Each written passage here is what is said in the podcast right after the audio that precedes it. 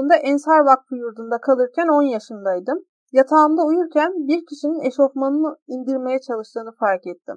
Bu kişi hocam sanık Muharrem Büyüktürk'tü. Eşofmanımı çektikten sonra tedbir olarak sırt üstü yaptım. Hocam da yanımda uyudu. Hocam bir ay sonra tekrar yatağıma geldi. Üçüncü gelişinde istismarına uğradım. 2015 yılında öğrencisi olduğum Adıyaman Gerger İmam Hatip Ortaokulu'nda görevli Sait Güler bir gün bana para vererek en sevdiğim sigarayı almamı istedi. Ancak sigarayı aldırma karşılığında bir şartı olduğunu söyledi. Şartını kabul ettim. Yurdun tuvaletinde bana tecavüz etti. Evden getirdiğim ve ailemin verdiği para bize yetmiyordu. Güler'e muhtaçtık. O yüzden istismarlarına göz yummak zorunda kaldık. Dinlediğiniz bu ifadelerin ilki Ensar Vakfı'nda yaşanan istismar davasında, ikincisi ise 2015 yılında ortaya çıkarılan Gerger İmam Hatip Ortaokulu'nda istismara maruz kalmış bir öğrencinin ifadesi. Dinlediğiniz ifadeler ne yazık ki yalan ya da kurgu değil. İsmail Saymaz'ın Kimsesizler Cumhuriyeti kitabından alıntılandı. Ben Meltem Suat. Bugün Mutfakta Ne Var'ın yeni bölümünde Lanzarote dosyasının ikinci bölümünde olacağız ve bugün bu ifadelerin de yaşandığı Türkiye'de çocuk istismarı vakalarını Saadet Öğretmen Çocuk İstismarla Mücadele Vakfı kurucusu ve başkanı Saadet Özkan'la birlikte konuşacağız. Saadet Hanım hoş geldiniz. Hoş bulduk. İyi yayınlar diliyorum. Teşekkürler. Saadet Hanım az önce de ifadeleri okudum. Ne yazık ki son dönemde Türkiye'de çocuk istismar vakaları inanılmaz hızla artmaya başladı. Ve artık hani çocuk istismarı vakaları ilk konuşulması gereken olayken aslında çok da hani konuşulmayan sadece çıkan haberlerle kısa bir süre gündeme gelip ardından tekrar göz ardı edilen bir konu haline geliyor gündemimizin aslında biraz da yoğun olmasından kaynaklanıyor. Öncelikle şunu sorarak başlayayım. Türkiye'de çocuk istismarı neden son dönemde bu kadar çok arttı ya da biz mi daha çok farkına varmaya başladık bu vakaların? Şimdi öncelikle bu konuda biz 100 bin üyeyi geçmiş bir derneğiz. Saadet Öğretmen Çocuk İstismarıyla Mücadele Derneği olarak ve bizim içimizde 2800'ü geçkin avukat, binlerce ruh sağlığı uzmanı var. Yani alanında ayrıca bilim kurulumuzda da bu konuda uzman akademisyen hocalarımız ve çok spesifik, net, multidisipliner çalışmalar yapan bir yapıyız. Çocuk hak ihlalleri üzerine de birçok alanda çalışmalar yapıyoruz. Raporlar ve faaliyetler düzenliyoruz. Öncelikle farkındalığın arttığını altını çizmem lazım. Hani diyorlar ya artış. Hayır biz farkındalığın arttığını farkındayız. Çünkü bize gelen 30 yaş üstü, 25 yaş üstü çocukken bunu yaşadığını söyleyen binlerce ileti var. Bu iletilere baktığımızda bu iletilerde çok büyük bir çoğunluğunun tam istatistik verileri şu an yanımda olmadığı için açıklayamıyorum. Hiçbir şekilde adalet mekanizmasına ulaşmadığını biz çıkardık. Yani burada bir çözümleme yaptık. Fakat şu anda öğretmenlerden tutun çocukların bulunduğu alandaki insanlar, ebeveynler çok daha farkındalıkları artmış düzeyde. O yüzden çocukların da bu anlamda bilgileri arttı. Yani çocuklara biz bedensel söz hakkıyla ilgili, cinsel istismarla ilgili çok fazla söylemde bulunduğumuz için çocuklar kendilerine yapılan bu durumu tanımlayabiliyorlar. Biz bunu artış değil, farkındalığın sonucunda önleme faaliyetlerinin güçlendirilmesi gereken bir durum olarak adlandırmalı. Çözüm sürecini, önleme faaliyetlerini ve ortak bir şekilde kurumlar, STK'lar, çocukların kulüpleri arasındaki de koordinasyonu sağlayacak, tedbirleri arttıracak bir çözüm sürecine geçmek ve sistemi de bu anlamda baskılamak zorundayız. Saadet Hanım şimdi ben daha önce CİMER üstünden Adalet Bakanlığı'na başvuru yaptım. Türkiye'de çocuk istismarı oranlarının benimle paylaşılması için bilgi edinme hakkımı kullanmak istediğimi söyledim. Ancak Adalet Bakanlığı bu özel çalıştırma gereken bir veri olduğu için benimle paylaşmak istemedi verileri. Zaten son 3 yıldan beri 2019'dan bu yana da artık güncel veri paylaşmıyor. Eskiden şehir şehir istismar verilerini paylaşıyordu yaş aralıklarını paylaşıyordu ama şu an sadece Adli Sicil Genel Müdürlüğü'nün açıkladığı verileri takip edebiliyoruz. Orada da 2021 yılında 44 bin çocuğun cinsel istismar davası açılmış. Bunların 26 bini reşit olmayan da cinsel ilişki davası. Aynı zamanda başka raporlarda da Türkiye'de son 10 yılda en az 250 bin çocuğun istismara uğradığı belirtiliyor. Ki TÜİK verilerine göre de suç mağduru 206 bin çocuğun %15'i cinsel istismara uğramış. Ve İHAD raporuna göre de 2002 yılından bu yana 444 bin çocuk doğumu var. Neden Adalet Bakanlığı artık veri paylaşımını durdurdu? Neden dışarıya artık bu verileri detaylı olarak paylaşmıyor? Yani bunun sebebi şimdi, bazı şeylerin üstünü örtmek mi? Şimdi bizim verileri mutlaka elde etmemiz lazım ki biz çözüm bulabilelim. Türkiye İstatistik Kurumu TÜİK verileri işte akademik çalışmalarda da makalelerde de hep bakıyoruz TÜİK 2016 verileri. Bu geçmiş zamanlı veriler geliyor. Bu veriler bu anlamda raporlamanın iyi ilerlediğini, çocuk adalet sisteminin güçlendiği alanlarda düzenli olarak sunulur. Bunlar halkın da bilgisine ulaşır. Yani biz STK'lar olarak çocuk alanında çalışan kurumları da işin içine alırsak, akademileri de alırsak nasıl bir çözüm bulacağız? Yani bu duruma nasıl çalışacağız? Yani 18 yaş altı cinsel şiddetle, şiddete maruz kalan çocuklarla, cinsel istismara maruz kalan çocuklarla ilgili, onun dışında 2019 verilerine göre suç mağduru olarak gelen 206.498 çocuk da dahil olmak üzere istismara maruz kalan çocuklarla ilgili nasıl çalışma yapacağız? Yani bizim dünyadaki çocuk istismarı verileri üzerinden değil de Türkiye'deki çocuk istismarı verileri üzerinden çalışma yapmamız lazım. Biz bilgi edinemediğimiz bir durumla ilgili çalışmaları, bir stratejiye, bir eylem planını harekete geçirmekte zorlanırız.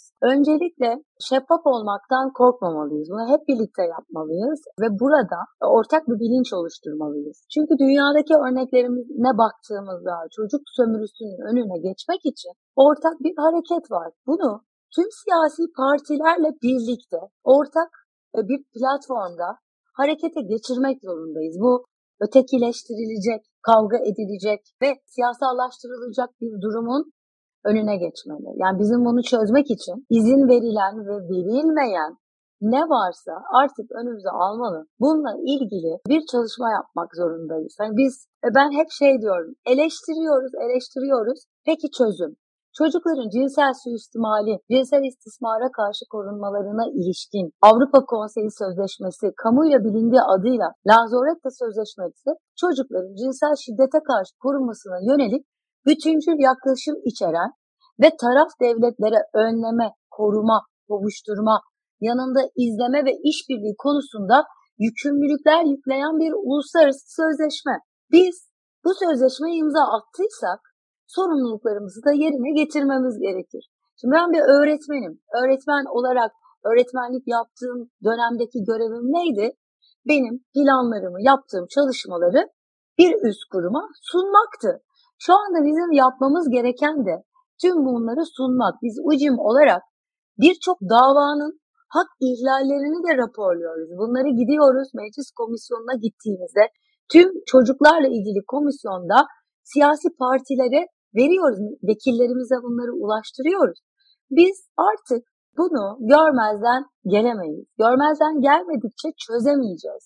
Çözemeyeceğimiz bu durum maalesef ki çocukları suistimal eden bu kavramların yaşanan bu durumların önüne geçmemize engel olacak. O yüzden ben buradan sesleniyorum. Yani sesimi duyanlara, bu anlamdaki üst düzey yöneticilere, bu anlamdaki siyasi parti liderlerine sesleniyorum.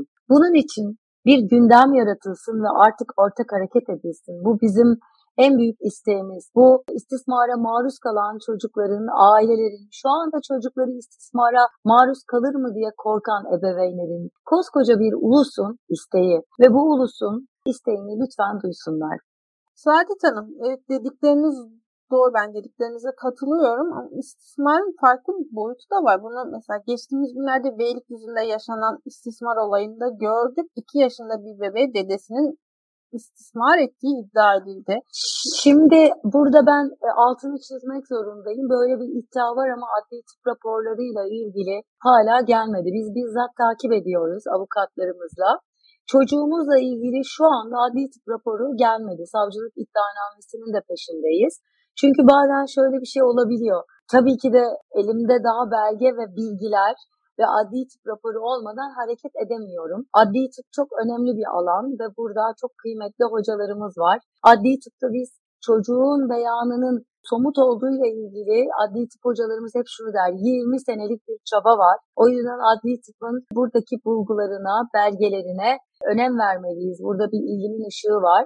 O yüzden de o dava dosyası üstünden şu anda iddianame ve adli tıp gelmediği için konuşmak çok da doğru olmaz. Ama daha net, spesifik, sonuçlanmış davalar üzerinden konuşabiliriz, ilerleyebiliriz. Tabii ki. Ben de ona değineceğim zaten. Hani böyle bir iddia var. Kışın Müslüme Yahal cinayetinde evet. ne olduğunu hepimiz çok üzülerek takip ettik.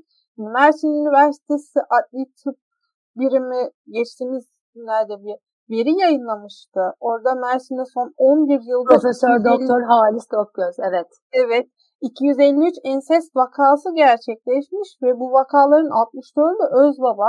Büşra Sanay da bununla ilgili çok güzel bir kitap yazmıştı. Kardeşini doğurmak diye. Şimdi Türkiye'de şöyle bir gerçek de var. Ensest gerçeği var. Çocuk istismarının farklı bir boyutu. Çocuk doğumu var. Geçen gün çıkan haberi biliyoruz. Diyarbakır'da 15 yaşındaki kuzenini kuma olarak almak istediği ve kuzeni buna haliyle karşı çıktığı için kuzenini öldüren bir adam var. Hem çocuk evliliği var hala Türkiye'de hem de çocuk doğumu var. Hani bu gerçekleri konuşalım istiyorum biraz. Evet. İstismarın farklı bir boyutunu. Ya bu bakımdan devletlerin şiddete karşı, istismara karşı mücadelede faillere uzlaşma beklentisi taşıması işin niteliğiyle zaten bağdaşmıyor. Yani bu, bizim buna görmemiz lazım öncelikle. Buradaki söz konusu yaşadığımız durumlar artık görünür ve ifşa oluyor. Öncelikle sözleşme hükümleri var. Cinsel istismar kavramıyla neyin ifade edildiğini ortaya koymak gerekiyor. Yani bizim işte Lanzarote Sözleşmesi'nde 3B hükmüne göre çocukların cinsel istismar ve cinsel suistimalinde burada atıfta bulunan davranışlar, yaşanan durumlar ve yükümlü olduğumuz konular var ve bu konuda çok haklısınız. Biz hep davalara gittiğimizde bu davalarda çocukların yaşadıkları durumların bizzat içindeyiz. O yüzden de burada ceza hukuku düzenlemelerindeki tercih, medeni hukuk alanındaki politikalara bağlı olarak şekillenen durumlar, eski askeri evlenme yaşına ilişkin hükümler, çocukların bedeni ve emeği üzerine maalesef ki burada sahip olunan anlayış, bunların üzerine yapılan bazı yanlışları düzeltmemiz lazım. Davalar çok uzun sürüyor. Bunları da söylemek gerek. Aslında bu konu başlı başına saatler alır. Biz bunları çalıştaylarımızda, kongrelerde çok uzun soluklu olarak anlatıyoruz. Ama bugün burada bu kısa kısıtlı zamanda anlatmak istediğimiz çok fazla durum var, yaşadığımız durum var. Çocukların yaşadıkları durum var. Açıkçası korktuğumuz durumlar da var. Ben her af kelimesini duyduğumda günlerce büyük bir uykusuzluk çekiyorum. Biliyorum ki birçok mağdur kalmış, çocuğu bu durumla karşılaşmış ya da bununla direkt karşılaşmış çocuklar gerçekten psikolojik olarak büyük bir yıkım yaşıyorlar. O yüzden artık kendimize gelmemiz lazım. Herkesin kendine gelmesi lazım. Siyasetin kendisinin de kendisine gelmesi lazım. Çünkü çocukların bir oyu yok. Yani bunu görüyoruz ama Türkiye'de 25 milyonu geçkin çocuk var ve bu çocuklar büyüyor. Yani bu çocuklar ileride oy verecek ama çocukların oyu yok ama onlar için mücadele eden bizler varız. İnşa ettiğimiz, birlikte çabaladığımız ve çözdüğümüz her durum bu çocukların geleceği. Bunu görmek zorundayız. Bunu insanların gözüne sok- sokmak zorundayız. Net söylüyorum. Artık bunu görmezden gelemeyiz, kaçamayız. Artık bu çocuklar büyüyorlar ve seslerini çıkarıyorlar. Aileleri şikayetçi olmasa da, birileri şikayetçi olmasa da bu çocuklar haklarını arıyorlar. O eski çocuklar yok.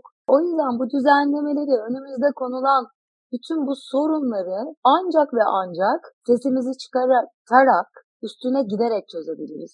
Dediğiniz doğru. Şimdi bir de şöyle yanlış bir ifade var. Ben onu da size sormak istiyorum. Çocuk susar sen susma diye. Aslında yanlış. çocuk da susmaz. Evet bizim de susmamız gerekiyor. O çocuk neden susturuluyor ona bakmamız gerekiyor.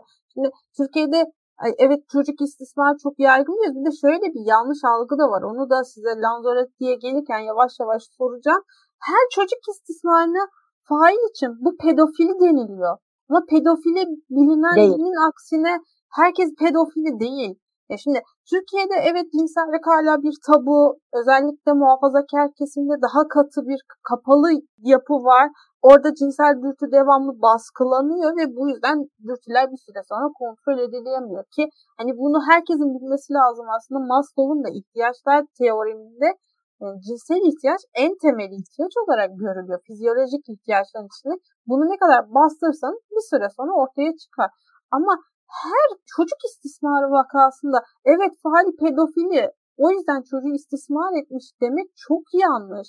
Aynı çocuk sus, susar sen susma ifadesinde olduğu gibi o çocuk susmaz. Ensar Vakfı'nda nasıl susmadı o çocuklar ifade verdi. Adıyaman'da nasıl susmadı ifade verdi. Gene susmazlar. Sadece biz belki o çocuğun sesini duymak istemiyoruz lan. Çocuk da kafasında kuruyoruz diyoruz ama öyle bir şey yok. Hani dedikleriniz çok doğru. Türkiye evet çok önemli bir sözleşme. Lanzarote bunun neden iptal edilmek istenmesini, olası iptal nedenlerini konuşuyoruz bu podcast'te. Bir sebebi çocuk yaşta evliliğe kesin kes karşı çıkması. O anlattığım Diyarbakır örneğinde de olduğu gibi 7 çocuk babası bir adam 15 yaşındaki kuzenini evlenmek istiyor ve kuzeni buna karşı çıktığı için kuzenini öldürüyor ve ifadesi daha da korkunç. Eşim ikna olmuştu, kuzenim ikna olmadı diyor. Şimdi ilettiğiniz konu üstünden hani bölümlere ayırarak anlatırsak belki çok daha bizi dinleyenler anlayacaklardır. Yani hatta bizim mücadelemize de katılacaklardır. Şimdi çocuklara pedofili ve ensest cinsel sapkınlıktır.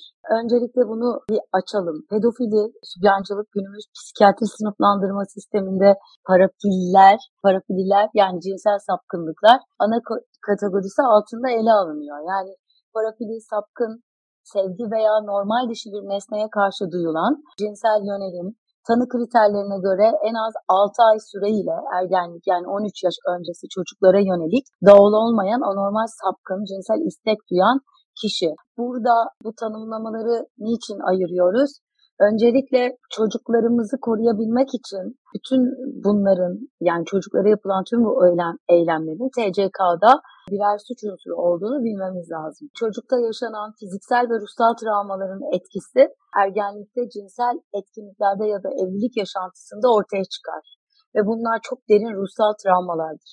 Biz hep olayın ilk anında çocuğun yaşadığı bu korkunç durumu anlatırız ama sonrasındaki yaşanan durumu anlatmayız. Yani sağaltım süreci. Biz çocukların sağaltım süreciyle ilgili süreçleri, yönlendirmeleri de takip ettiğimiz için bu acıları bizzat travma ile karşılaşan bir yapıyız.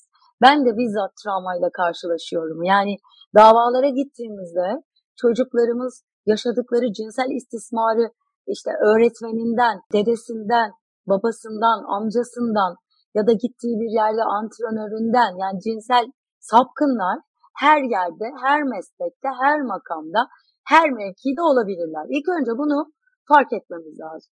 Yani bunlar kenarda köşede oturmuş işte aman Allah'ım görünce korkuyoruz. Korku biz buna dikkat et diyeceğimiz tipler değil.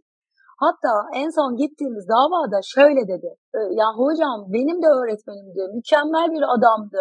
Herkes onu çok severdi. Ama sonra bir başkası dedi ki biz yok biz bunu sezerdik. İlk önce bunların kendilerini çok iyi gizlediklerini unutmayalım. Yani bunlar motivasyon kaynakları yüksek, iyi organizasyonlar yapan, kendilerini gizleyebilen kısım pedofililer. Sapkınlar zaten e, yani hayvana karşı, çocuğa karşı, doğaya karşı her şeye o psikopat eylemlerini o çekimle harekete geçiyorlar. Çocuklarda yaşanan bu durumda biz bu çocuklarımızla kişilik akıl sağlığı sorunları, hayat boyu süren ilişki sorunları ve fiziksel olarak da yani bedenlerinde ne tür olursa olsun hastalıklarla karşılaşıyoruz.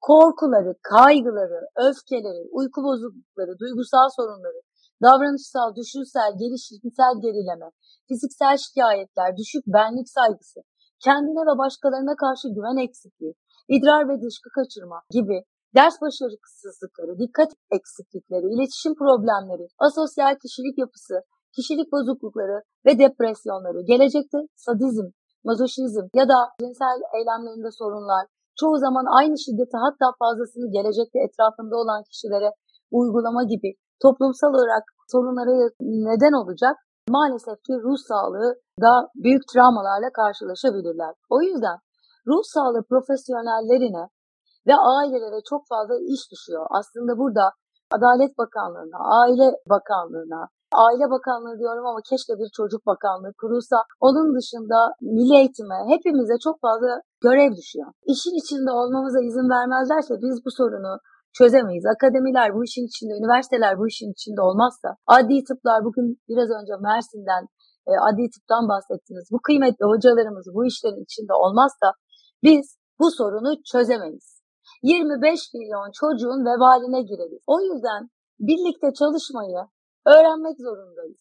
Pedofililer, sapkınlar, her ne diyorsak hepsinin TCK'da çocuklara yaptıkları eylemin cezası var. Bu çocukların öldürüldüğü davalara gidiyoruz. Eymen davasına gittik. Celseler boyu. Ve istismarcının çocuğu öldüren bu kişinin sanık demiyorum artık. Çünkü hükmünü aldı. Müebbet aldı. Çocuğa yaptığı eylemlerde cep telefonunun açılması için iki sene bekledik. Jandarma kriminal cep telefonunu açtı. Biz istismarda çocuğun şiddete uygulanan bedenini gördük. Onun yaşadığı derisinin nasıl yüzüldüğünü ve yaşadığı acıları biz gördük. Çocuk son anda bu dünyaya vedalaşırken onun yüzündeki gülümsemeyi ve onun çektiği acıyı gördük. O yüzden orada bu şahısların sosyal medyada evli çocukla her ilişkiye hazır dediğini ve bu sosyal medyayı kimlerin takip ettiğini de gördük. Biz sadece sanıklar üzerine gider, eylem gerçekleştiren ve orada temasa giren diğer şahıslarla ilgili araştırmaları yapmaz, eşiği yükseltmezsek bu kişilerin yüreklenmesine sebep oluruz. Bizim birlikte güçlenmemiz lazım. Buradan sesleniyorum hem kendime hem sizlere hem bizi izleyenlere. Kolektif bir bilinç oluşturmak zorundayız. Çünkü bu bir şekilde istismar, şiddet, duygusal istismar ve ihmal bir şekilde her birimize dokundu. Dokundu. Dokunmadı diyen çok nadirdir, belki binde birdir. O yüzden de bir şekilde biz şiddete, fiziksel şiddete, duygusal şiddete hayatımızın bir döneminde, çocukluğumuzun bir döneminde yaşadık. Bir insanın notla tehdit edilmesi bile maalesef ki duygusal şiddettir. Cezayı da cinsel istismarda bile çocuğun beyanı yok somut değil algısı üzerinden bile çok ciddi çaba harcadık. E, ama çocuğun beyanı yaş dönemlerine göre olağan akışın dışındadır ve somuttur. Bunları görmek zorundayız. Birlikte görmek, irdelemek ve savaşmak zorundayız. Saadet Hanım ben bunu da sormak istiyorum. Çok güzel şeyler söylediniz bu arada. Gerçekten her dediğinize katılıyorum. Evet hani bu istismar boyutunun de ailevi tarafı. Sizin dediğiniz gibi çocuk ileride tabii bir türlü travmayla yüzleşmek zorunda kalıyor ama bu seneler evvel Manisa'da katledilen Irmak Kupal cinayetinde gördük kendisi istismara uğramış bir çocukla. Babası daha sonra hem annesini hem kardeşini katletti evet. kendisi. Nasıl bir travmaya girmişse ailesinin de rehabilite edilmesi lazımdı. O çocuk katledildikten sonra aile dağıldı. Bir daha kendilerine gelemediler. O ailelerin de psikolojisini düşünmek lazım. Ama Türkiye'de ne yazık ki aile rehabilitasyonu yok. Çocuğa yok. nasıl kendini koruması gerekiyor. Müfredat da çocuğun bedenini tanımasını, bir başka yabancının ona dokunmasını evet. engelleyen herhangi bir eğitim yok. Sadece bizde aman kızım teyzedir otur kucağına, amcadır yanağını sıkmak istiyor diye çocuklarımızı tanımadığımız insanları teyze amca olarak tanıtıp evet. ona güvenmesini sağlıyoruz ama bu çok yanlış bir şey. Bedensel yani, söz hakkı. Yani bu bedensel e biz biz de gelişiyoruz. Diyor ya birçok mahrem eğitimi ya da hayır bedensel söz hakkı. Yani çocuklara bedensel söz hakkı eğitimini vermek zorundayız. Kendinin değerli olduğunu. Hep şu deniliyor. Sana kötü bir şey olursa bana söyle. Kötü bir şey ne? Bir çocuk hayatının bağrında belli bir yaşa gelene kadar altı mevsim görmüş bir çocuğa kötü bir şey olursa bana söyle. Biz bir istatistik yaptık. Çocuklar cinsel istismara maruz kaldıklarında annelerinin, babalarının katil olması korkusuyla susmuş ya da kendi babalarından cinsel istismara uğradıklarında bunu bir sevgi biçimi sanmış. Şimdi 9 yaşına kadar bizler çocuğa bu eğitimi veremezsek zaten çok geç. Çünkü çocukların cinsel istismara uğradıkları en çok yaş dilimi bu aralık kendi öz babasından cinsel istismara uğramış kundaktaki bir bebeği koruyamıyorsak Nasıl gideceğiz biz bu yolda? Yani o evdeki çocukların evde Sağlık Bakanlığı'ndaki hemşireler, sosyal hizmet uzmanı istihdamı sağlanırsa ki hani bunu da iletmek istiyorum ya da bu anlamdaki uzmanlar, ruh sağlığı uzmanları istihdamı yoksa biz bu çocukları nasıl göreceğiz? Evdeki çocuğu nasıl koruyacağız? Emzikli bebeği nasıl koruyacağız? O yüzden burada herkes üstüne düşen görevi yapmak zorunda. Benim isyanım burada başlıyor. Çocuk doğmuş, anne var, maddi koşullar yerinde değil. E istismara uğruyor bebek. Ev kalabalık bir hane. iki şey. Zaten bir yardım hattı ya da eve gelen bir kurtarıcı birey yok. Bir kurum yok. Oraya gelinmek zorunda. Eve girilmek zorunda. Çocuğun beden muayenesi yapılmak zorunda. Şimdi gerçekçi olalım. Ben özel hastaneye gidiyorum şimdi. Çocuğum bebekti. Özel doktoru vardı. E, ben eve takip edilmedi. Ben çocuğum, e tamam böyle birçok aile var. Çocuğu olan özele götürüyorum diyorsa ve o çocuk takip edilmiyorsa biz o çocuğu nasıl gözden kaçır kaçırıyoruz? Gözden kaçırıyoruz. Artık burada yanlışımız var. Yani bir onay yok, bir takip yok ya da istismar da gerçekleştirmiş ve çıkmış, hükmünü almış çıkmış bir insan çocukla bir ilgili alanda çalışamaz, çalışamamalı. Bir serviste olmamalı. O servisteki çocuk sizin ya da benim ya da en sevdiğinizin çocuğu olursa maruz kalacak. Yani kaçamayacak bu durumda. İlk önce çocuğa neyi yüklüyoruz? Kendini korumasını. Hayır. İlk önce çocukları biz koruyacak sistemi oluşturacağız. Burada herkes üstüne düşen görevi yapacak ve çocuklara bedensel söz hakkını vereceğiz. Ama dediğiniz gibi aileleri de bilinçlendireceğiz. Okul sadece çocuğa eğitim veren bir yer olmaktan çıkacak. Örneğe gidiyoruz. Yani bugün çocuklarla ilgili en büyük bütçeyi ayıran devletlere gittiğimizde milyon sterlin bütçe ayırıyorlar. Ne yapıyorlar? Okullarda eğitim veriyorlar. Bunu raporluyorlar. Ya Kanada'da raporlama çok. Ya da Amerika'nın bir eyaletine gittiğinizde o eyalette 40 yaşındaki kişi psikoloğa gittiğinde istismara uğradığını söylediğinde o dönemki tüm çocuklar inceleniyor ve bir dava zaman aşımı. Nedir zaman aşımı? Yani kişi bunu 20 yaşında gerçekleştirmiş, üstünden 20 yıl geçmiş, 40 yaşına gelmiş zaman aşımı olmuş. Durmuyor mu? Zaman aşınca çocuğa istismarda bulunmuyor mu? Yani o zaman kaç tane nesil bunu yaşıyor? Ya burada insan gerçekten çileden çıkıyor. Ben e, burada UCİM'in genel başkanı olarak değil ya da bir saadet öğretmen olarak değil, bir insan olarak çocukların acılarıyla direkt temasa uğrayan biri olarak gerçekten kahroluyorum. Kahretmemiz gereken istismarcıları kahredemiyoruz da biz kahroluyoruz.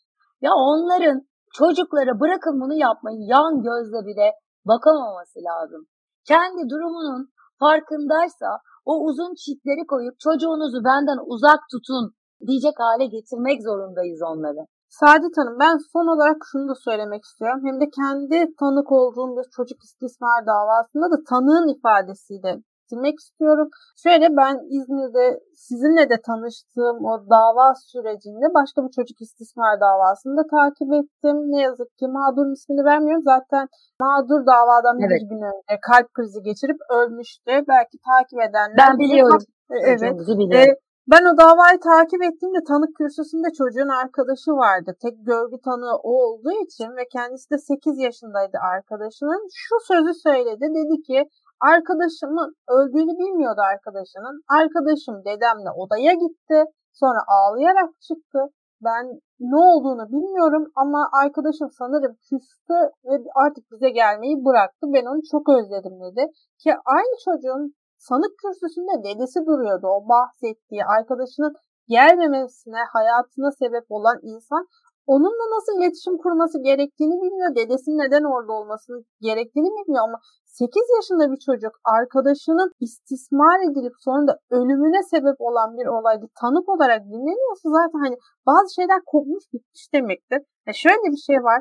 Türkiye'de hani şu son dönemde evet geçtiğimiz günlerde de ben ne yazık ki ismini vermek istemediğim bir gazetede Lanzarote ile ilgili bir haber gördüm. Orada da hani neden sözleşmeden çıkılmalıyız savunuyorlardı ve şöyle bir ifade vardı çok dikkatimi çekti.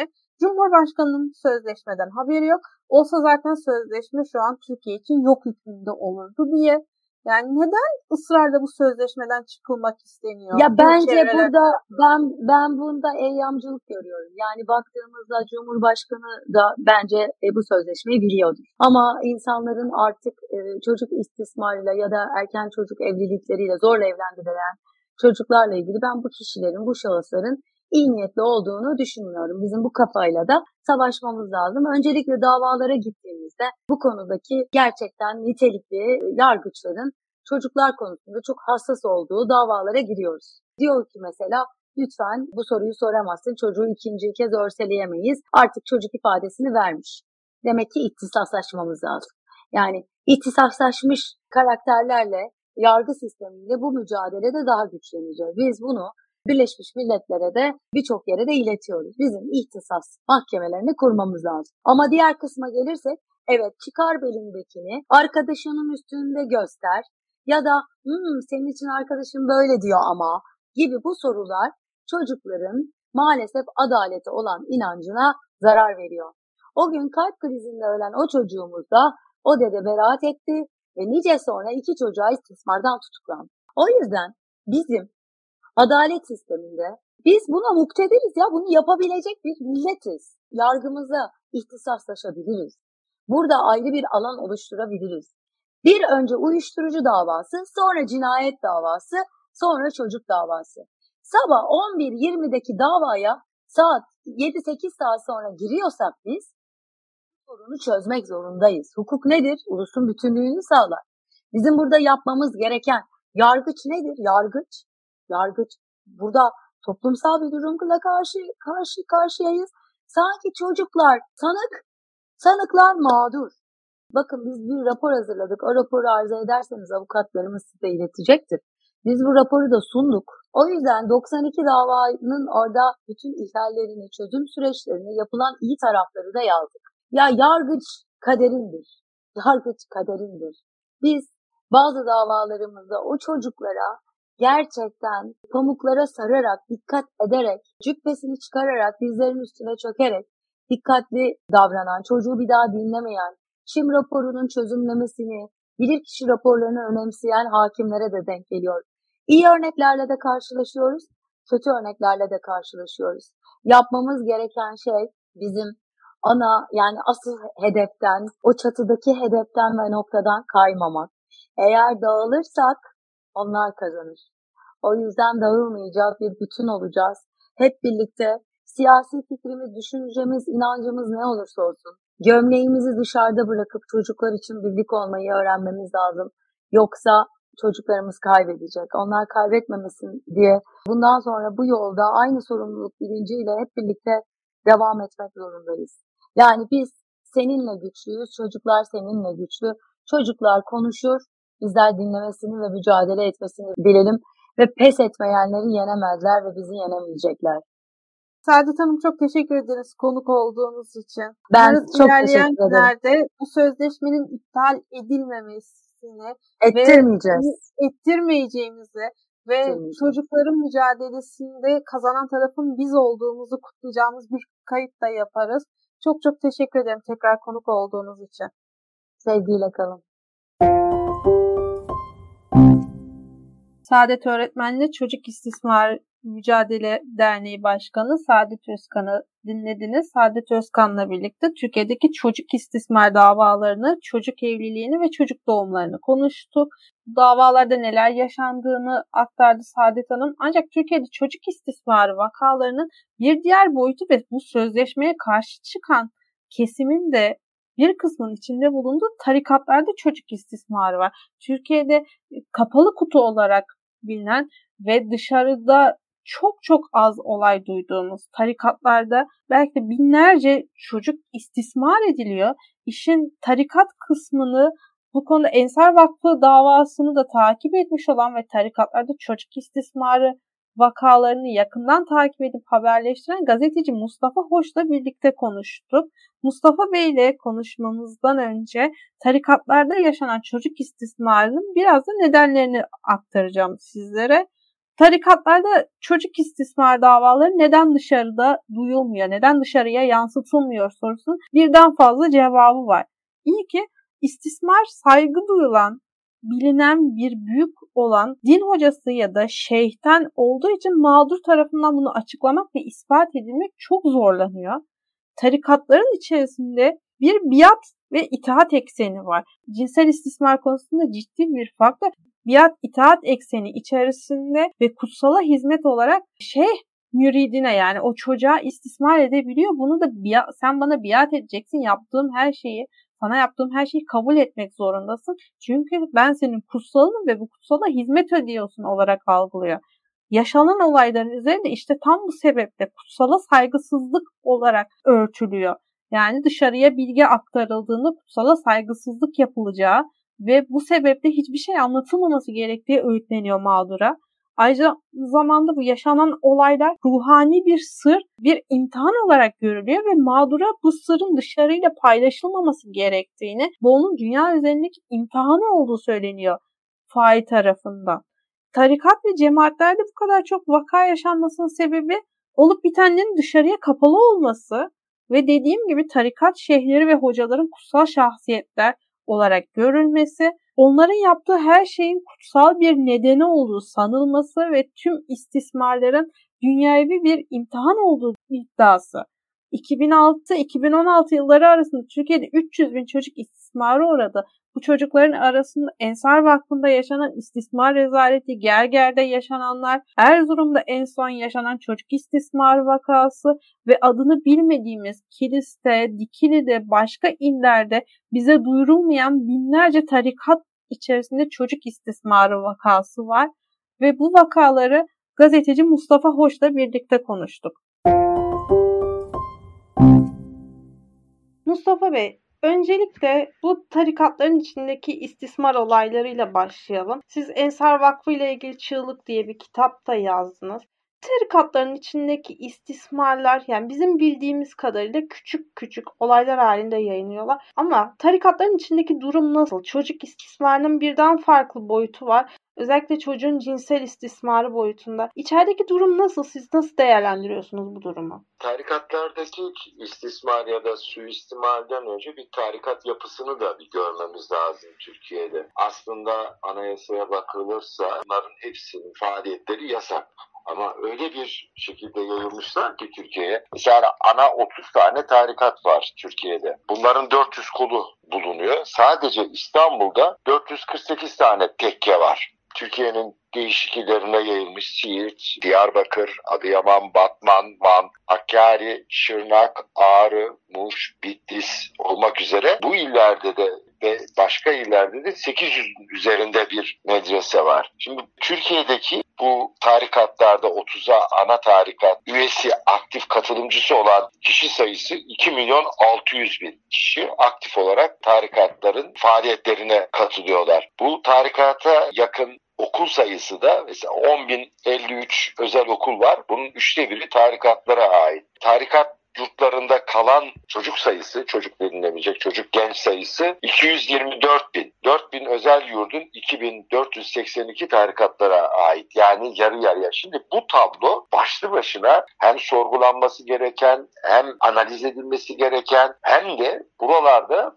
bu çocuklar nasıl bir yaşam sürüyor, nasıl bir hayat sürüyorlar bunun araştırılması gerekiyor. Ama Türkiye'de tarikatlara dönük bir araştırma yok. Elde bir veri yok. Yani işte en son bu söylediğim rakamlar 2018 yılında Profesör Eser Gül Balcı'nın araştırmasıyla bildiğimiz rakamlar. Zaten bu araştırmadan sonra da başına bir sürü şeyler geldi Eser Gül Hoca'nın. Şimdi tablo böyleyken buralarda bunların hükmettiği yerlerde çocukların yaşadığı baskı, mobbing ve şiddet yanında cinsel istismar ve suistimal var. Tabii bilinenler üzerinden gidersek dehşet tablosu birazcık daha net karşımıza çıkacak. İlk bilinen böyle çocuklara toplu tecavüz edilen yer Ensar'dı. Mahkemeye verilen ya da mahkemede görülen 10 çocuk. Ama daha derinlemesine araştırma yapılmadığı için, geçmişe doğru daha başka gidilmediği için sayısı bilinmiyor. Yani 10 biraz sonsuz gibi. Gerger var. Gerger İmam Hatip Okulu'nda 18 öğrenci. Kilis'te 14, Dikili'de 9, Fıkıh Der'de 20. En son Erzurum Diyanet Yurdu'nda 7. Bir başka yurtta ki hiç bu kamuoyuna çok fazla hiç yansımadı, konuşulmadı. Üç tane de orada. Şimdi bu toplu tecavüz olaylarına baktığımızda her biri farklı bir ilden. İşte Ensar Karaman'daydı. Gerger, Kilis, Dikili, Fıkıhten İstanbul'du, Erzurum. Bütün bu topluluklara baktığımızda farklı illerde, farklı coğrafi bölgelerde olan olaylar. Ama içeriğine baktığında, çocukların yaşadığı o dehşete baktığında sanki birbirinin kopyası gibi. Asıl sorun da zaten Türkiye'de burada başlıyor. Birbirinin kopyası haline gelen bu olaylara olaylara bir önlem yok. Yani tarikata terk edilen çocuklar aslında tarikat yurtlarında ya da tarikatın elinde bir tedrisattan, eğitimden, öğretimden geçmiyorlar. O çocuklar esir çocuklar tarikatların elinde esir çocuklar. Böyle bakınca her şey biraz daha farklılaşıyor, dehşeti daha çok artıyor ve bilinen bunlar olunca toplu tecavüzler ve birbirine benzer örnekler bilinmeyen, yansımayan ki zaten bu tip yerlerde bir şeyin dışarıya çıkması en zor, en zor aşaması. Çıkınca zaten başka şeyler başlıyor diğerlerinde gördüğümüz gibi. Peki ben şunu da araya sorayım. Şimdi ben tarikat ve cemaatlerde neden bu olayların çok yaşandığını, çok sıklıkla yaşandığını araştırdım. Tabii siz daha iyi biliyorsunuz ama tarikatlar dışarıya kapılalı yapılar bildiğiniz gibi. Ayrıca da orada şeyh ve hocalar kutsal olarak kabul ediyor. Kutsal şahsiyetler. E burada olan şeyler de bir yerde ruhani sır olarak kabul ediliyor. Öyle değil mi? O yüzden dışarıya aslında olay aksettirilmemeye çalışılıyor. Yer ismi vermeyeceğim. Çünkü bu tip davalarda hani rumuzla bile verdiğinizde o insanların hayatına olumsuz etki eden bir şey yaparsın. Ya da olayın detaylarıyla anlattığınızda bir başkasını tetiklersiniz. Bu açıdan çok dikkat edilmesi gereken çocuk istismarı ve suistimali davalarında çok dikkat edilmesi gerekiyor. Ama bir tane bu söylediğiniz örnek açısından sağlamlaştırması açısından mahkeme dosyasına girmiş. Yani devletin resmi arşivinde olan kesidi anlatmalıyım o zaman. Mesela çocuklara bunu yaparken uygulanan en önemli şey bunun bir Allah'ın emri olduğu. Yani eğer bunu yapmazsa cehennemde yanacağı. Şimdi bir çocuğun bununla başa çıkma şansı yok. Mümkün değil. Hani büyük insan, büyük adamların, büyük insanların işte başka e, tecavüzlerin olduğu, ettiği yaşı büyük insanların bile bu baskıyla bunu yapabildikleri bir ülke burası. Bir çocuk bununla başa çıkamaz. Yani onu yapmadığı zaman cehennemde yanacağına dair o kadar çok örnek var ki hep aynı şeyi kullanıyorlar. Çocuklara bu baskıyla o kötülüğü yapabiliyorlar. Bunu da çok hatta elinde Kur'an'la bunu yapanlar, elinde Kur'an olan o kendine hoca diyen, belletme diyen o insanlar kötülüğü bununla da yapıyorlar. Yani şimdi böyle bir şeyin olduğu bir yerde çocuğun bunu bir başkasına anlatması ya da yaşadıklarına başka bir reaksiyon göstermesi, tepki göstermesi mümkün değil. O yüzden çok azını duyabiliyoruz, görebiliyoruz ya da bazısı tesadüf oluyor. İşte Çivril'de olan tamamen tesadüf çocuk sürekli kendisine tecavüz edildiğini kağıda yazıp yazıp pencereden atıyor. O kağıt rehber öğretmenin kafasına düştüğü için orada açıp okuyup orada öğrenebiliyor. Bu dediğiniz gibi tarikatların içerisinde olanlar ruhani sır olarak da görülüyor ve kutsala saygısızlık, Gerger'de bir çocuk ailesine anlatmak istediği zaman annesi önce sırrı arkadaşların arasında olduğunu düşünmüş ama hocasıyla arasında bir şey yaşandı aklına gelmemiş. Çünkü sizin de bildiğiniz gibi hocası bunun arasında aralarında bir sır olduğunu söylemiş. Peki Mustafa Bey Adalet Bakanlığı yaklaşık 3 seneden beri bu çocuğun cinsel istismar vakalarını yayınlamıyor istatistiklerini. Daha önce şehirlerine kadar yayınlıyordu, yaşlarını yayınlıyordu ama artık dışarıya veri vermeyi bıraktı. Bunun şeyinde yayınlamamasında acaba bu tarikatların içinde yaşanan olayların da etkisi var mı? Bir anda veri akışının kesilmesinde. Çünkü artık sadece Adli Sicil Müdürlüğü'nde şeye mahkemeye yansıtırılan olaylar var ama mağdurun yaşı, şehri belirtilmiyor evet saklama, gizleme reaksiyonu olduğu da bir gerçektir. Ama bir taraftan da bunu saklayanlar, eden, saklayanlar ya da duyulmasını istemeyenler de tarikat. Hani devletin o kurumlarına da hükmeden bir yapısı var tarikatların. Tarikat sadece yani bir tane küçük bir yerde, odada ya da binada çocuklarla ilgili faaliyet yürüten yerler değil. Aynı zamanda holdingler, bir rant kuruluşlarıdır. Aynı zamanda devletin belli kademelerine sızmış bir yapıdır. Yani emniyette de adamları var, adliyede de adamları var. Bu işler olduğunda zaten üstünü de çoğunlukla da böyle de kapatabiliyorlar. Duyabildiklerimiz ya da o ailelerin içerisinde bir kişi benim çocuğuma bunu yapılmayacak, bunu kabul etmiyorum diye ortaya çıkıp feryat etmese Erzurum'da da aynı şey olacaklardı. Birçok aileyi vazgeçirdiler korkuyla, baskıyla. Yani bunun birçok parametreleri var. Devletin belli kurumlarına da sızdıkları için onlarla ilgili yürütülebilecek, kendilerince olumsuz yürütülebilecek her şeyi engelleyebiliyorlar. Ya da engelleyebilecek güçleri var. Bir taraftan da aile dediğimiz yapı da tarikat.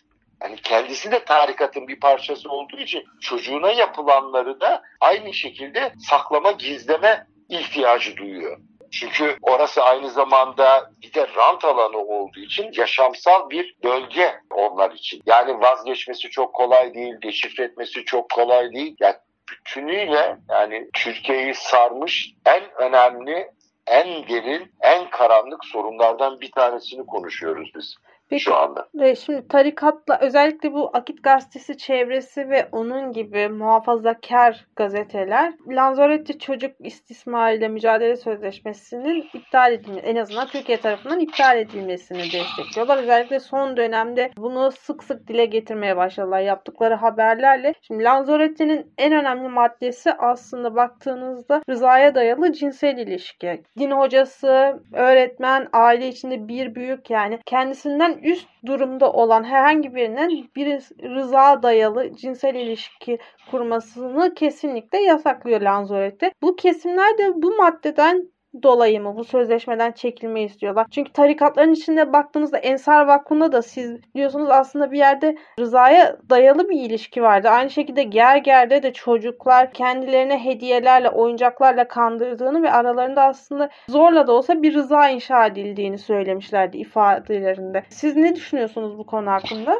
Çocuğun rızası diye bir şey olmaz. Hani bu şöyle çocuk gelin de olmaz yerleşmiş çocuk gelin diye hem medyanın, geleneksel medyanın hem toplumun geniş kesimlerinde çocuk gelin diye bir kavramı var. Oysa çocuk gelin olmaz. Çocuk gelin dediğinizde çocuk istismarı ve çocuk suistimali e, anlaşılmalı ya da pedofil anlaşılmalı. Ya bu kadar nettir ama çıkıp bu ülkenin zamanın Adalet Bakanı, şimdinin Adalet Bakanı küçüğün rızası diye bir ifade kullanabildi. Hani zaten orada dehşet başlıyor. Şimdi Nazareti sözleşmesi çocukları güvence altına alan Avrupa Konseyi'nin hazırladığı bir sözleşme. Türkiye'nin de 2011 yılında nihai olarak Tayyip Erdoğan imzasıyla uygulamaya koyduğu bir sözleşme. Ama sözleşmeyi imza atıyor ama onun yasal düzenlemeleri hala yapılamadı. Yapılmadı.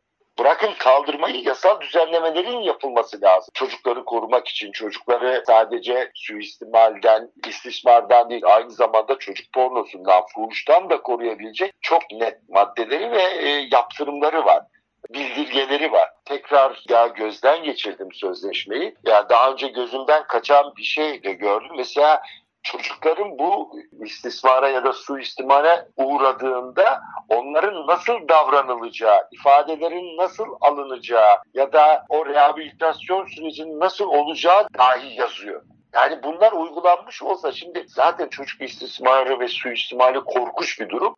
Ama sonrasında bunun bir rehabilitasyon süreci var, adli süreci var. Bunlar da çok kötü yürütülüyor ülkede. Çocuk bir travma yaşıyor. Çok ağır, hayatı boyunca kurtulması en zor travmalardan birini yaşıyor. Sonra ikinci travmayı da tekrar onun yanındaymış gibi olanlar devam ettiriyor. Ya sistem aslında tamamen bunun başına bu iş gelmiş aileleri, çocukları suskunluğa itiyor. Bu sözleşme o suskunluktan çığlık atmasını sağlayabiliyor. Bu yüzden belki hedef alanlar bunun olmasını, o çığlığın duyulmasını, o çığlığın çıkmasını kısmaya çalışıyorlar. Yani sadece bir sözleşme olarak bakamayız buna. Bu kadar yaygın, neredeyse ülkeyi çocuk tecavüz yerine çevirecek kadar çerçevelenmiş her şehirde, her mahallede, her çocuğun risk altında olduğu bir ülkede bundan vazgeçiyor olmak tutun istediğiniz çocuğa suistimal edebilirsiniz, istismar yapabilirsiniz demektir. Bu derece önemlidir. Bu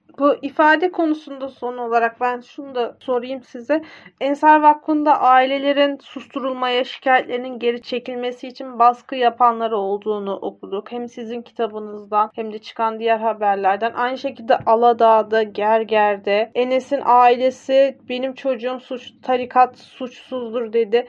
Yani bir yerde aslında Türkiye bunları uygulasa belki Ensar Vakfı olmazdı ya da bu kadar çok tarikatın içinde çocuk istismar edilmezdi diyebilir miyiz? Kesinlikle. Bak şöyle bir yöntem izleniyor. Bunu suçu işleyen kadar bu suça yol açan etmenler, suistimaller, görmezlikten gelmeler, dikkatsizlik, liyakatsizlik de cezalandırılmış olsaydı yani Ensar'ın bütün yöneticileri o suçu işleyen kadar 571 yıl diye verilen o ceza, belletmene verilen ceza diğer Ensar yöneticilerine valiyi görevden alıp yargılasaydın, işten atsaydın, o adama yol veren ya da çocukları istismar edilen eve girip çıkan İl Milli Eğitim Müdürünü görevden alıp yargılansaydı diğerleri olmayacaktı. Bu kadar net bir şeyden söyledi. Eğer Ensar'da topyekun bir cezalandırılma olsaydı diğer çocukların belki de hayatları karartılmayacaktı. Bunlar olmayacaktı. Cezasızlık aynı zamanda boş vermişliğiyle geçiriyor. O boş vermişlik çocuklara suistimali normalleştiriyor. Yani bugün bir sarı,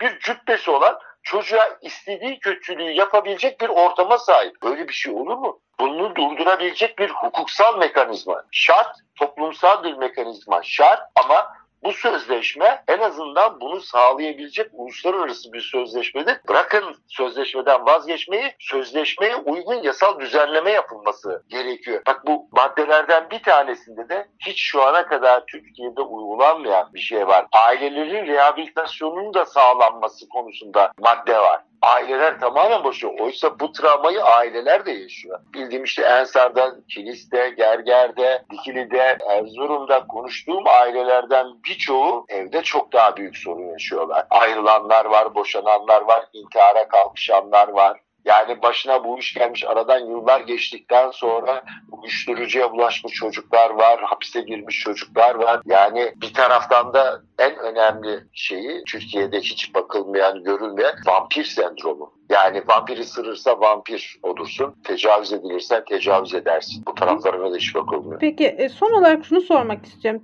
Tarikatlar neden bu sözleşmeye karşı çıkıyor? Özellikle dindar olarak adlandırdığımız kesim. Yani onları bu kadar rahatsız eden olgu sadece rızaya dayalı cinsel ilişki ya da 18 yaş altı evliliğin kesin hükümlerle yasaklanmış olması mı? Hayır bir taraftan o var. Hani kendi şeylerinde duyulmasın, görülmesin. Hani bir tanesi vardı. Görmeyeceksin, duymayacaksın. Müslümanın böyledir. Görmeyecek, duymayacaksın. Kötülük olsa bile düşmana fırsat vermeyeceksin diye vaazı vardı yani. Bu kadar. Bir, bir boyutu var. Diğer boyutu da şöyle.